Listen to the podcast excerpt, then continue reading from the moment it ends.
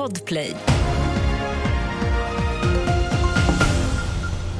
Här är senaste nytt om kriget mellan Israel och Hamas. Cheferna för FNs samtliga större organ kräver en omedelbar humanitär vapenvila.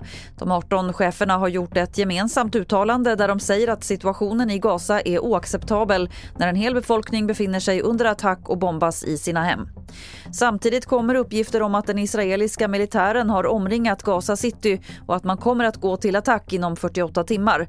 Israeliska styrkor ska också ha placerats ut till havs och i luften. Under gårdagskvällen genomfördes omfattande israeliska flygräder och enligt militären har man delat Gazaremsan i två delar. Vi avslutar i USA, för när det nu är exakt ett år kvar till presidentvalet där så ligger Joe Biden efter Donald Trump i opinionsmätningar i fem av de sex viktigaste delstaterna. Det här rapporterar New York Times. Missnöje med hur Biden sköter USAs ekonomi samt oro för hans höga ålder tros ligga bakom resultatet i mätningarna. Fler nyheter hittar du på tv4.se. Jag heter Lotta Wall.